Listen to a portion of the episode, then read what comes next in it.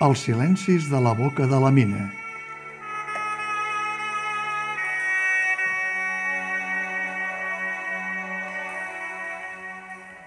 El venedor de diaris, hivern de 1930.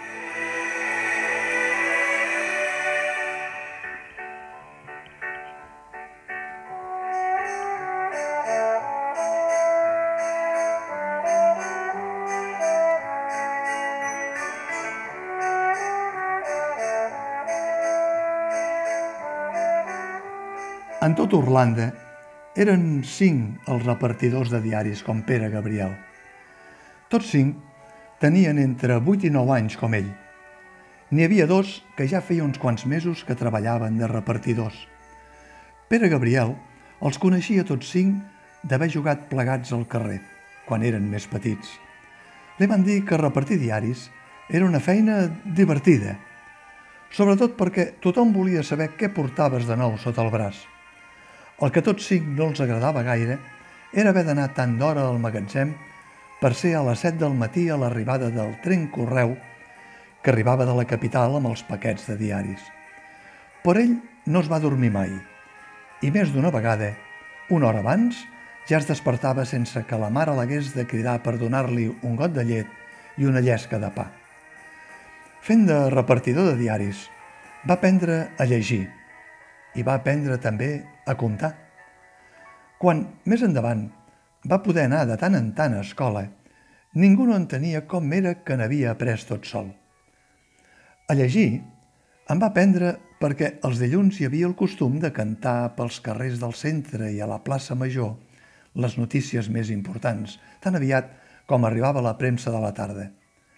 A comptar em va aprendre perquè havia de saber tornar el canvi els qui pagaven el diari amb peces grosses i havia de vigilar cada mes quan el patró li donava els rebuts de subscripció per cobrar. Va conèixer per dins algunes de les cases dels ravals dels senyors on la mare havia anat abans a fer feines. Una de les cases tenia una escala ampla, amb esgraons de marbre i amb un passamà de fusta treballada que relluïa com si sempre l'acabessin de vernissar. Ell havia de pujar fins al tercer pis a portar el diari. Deixava el paquet de diaris que portava per repartir a la portalada. Pujava corrents fins al tercer pis.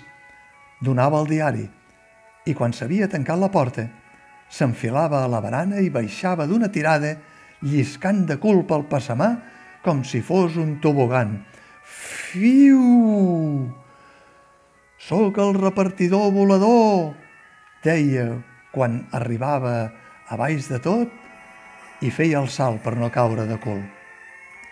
Sobretot, va aprendre a distingir molt aviat entre patrons i obrers, i entre patrons i patrons, i entre obrers i obrers. Els obrers llegien poc perquè n'hi havia molt pocs que sabiessin llegir.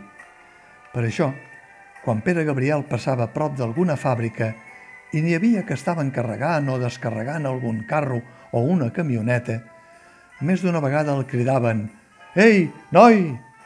i li preguntaven què deien els diaris. La majoria s'havien d'esperar avançada la nit per reunir-se a les tavernes.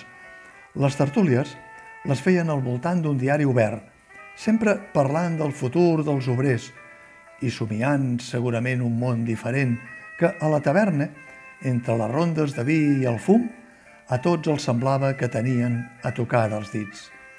De patrons n'hi havia de diferents menes i Pere Gabriel els va anar coneixent pel diari que llegien. Hi havia els patrons que diu que eren monàrquics, que només volien saber què passava amb el rei. Hi havia els patrons que diu que eren regionalistes, que només s'interessaven per la marxa del país. Hi havia els patrons que diu que eren liberals, i els més amics dels obrers, que preferien la premsa que sortia de les impremtes dels sindicats, per estar preparats, deien, per si em passava alguna de grossa. Pere Gabriel portava la setmanada a casa i el pare li deia «Molt bé, noi, això dels diaris és una bona feina. No et posis mai a treballar de por el ram de la seda i el cotó si no vols acabar com jo». Dona els cèntims a la mare, au.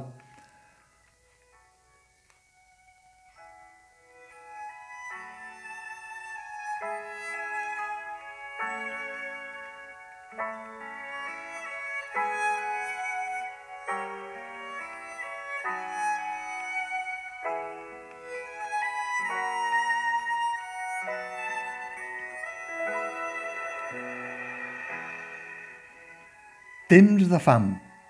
Hivern de 1938.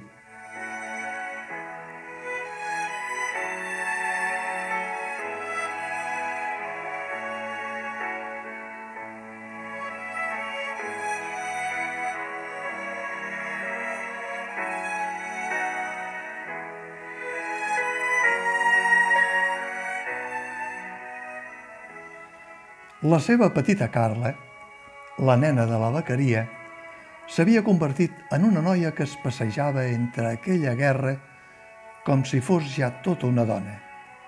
Tenia 16 anys i cada vegada s'assemblava més a la Carla de debò, la jove vedet italiana que havia trencat el cor de Pere Gabriel a la cuina del cafè concert dels oncles. La nena de la vaqueria portava un vestit llarg i fosc i els cabells negres li queien sobre les espatlles. Pere Gabriel se l'imaginava amb algun d'aquells vestits de plomalls i lluentons dels espectacles del cafè-concert. Però allò només podia ser un somni en un món de colors que la guerra havia convertit primer en pols de gris i després en runa blanca i negra, potser per sempre. Un dia d'aquell hivern que havia nevat, tota la nit i els carrers encara estaven blancs, Pere Gabriel i la nena de la vaqueria van anar fins al canyissar del barranc, on, més petits, amb la germana muda de la vaqueria i la seva germana petita, havien construït la seva cabana a vora la via. El camp semblava una mallissa que no s'acabava mai. De la neu feia l'efecte que els troncs dels arbres s'alçaven en l'aire com braços estesos, nus, com crits ofegats. Pere Gabriel va pensar que si aquell dia caiguessin bombes sobre el tou de neu, s'hi quedarien clavades sense esclatar, com si haguessin anat a parar damunt d'un matalàs farcit de plomes. Sobre el camp de neu no es veia cap trepitjada, només les seves, les que deixaven enrere, com un rastre, per no perdre's en la blancor. La cabana del canyissar del barranc encara es mantenia més o menys dreta de com l'havien deixada feia tant de temps. Però algú s'hi havia refugiat durant aquell temps, perquè hi havia rastre de llenya cremada a dins. No se sentia res, cap cant d'ocell, cap bram de bestiar, cap giscle d'infant, cap crit de pagès, cap cop d'aixada a la terra, cap rum-rum d'avió cap gos bordant, cap retruny de canonades a la serra. La neu havia portat el silenci i la pau. Quan la guerra s'acabi tot serà així com ara, va dir la nena de la vaqueria mirant enllà de l'estesa de blancor. Potser sí, va respondre Pere Gabriel. Aleshores ella, en un impuls, se li va llançar al coll i li va dir entre petons que s'havien de separar durant un quant de temps. Només la neu va escoltar en silenci els batecs dels cors de Pere Gabriel i la nena de la vaqueria. Només el silenci d'aquell dia d'hivern va ser testimoni de com el temps havia fet que s'estimessin arraulits pel canyissar de la cabana d'infants. Pere Gabriel li va dir que anés en compte a la fonda. Es van besar. Els dos tenien els llavis freds, aspres i tallats per la gelor.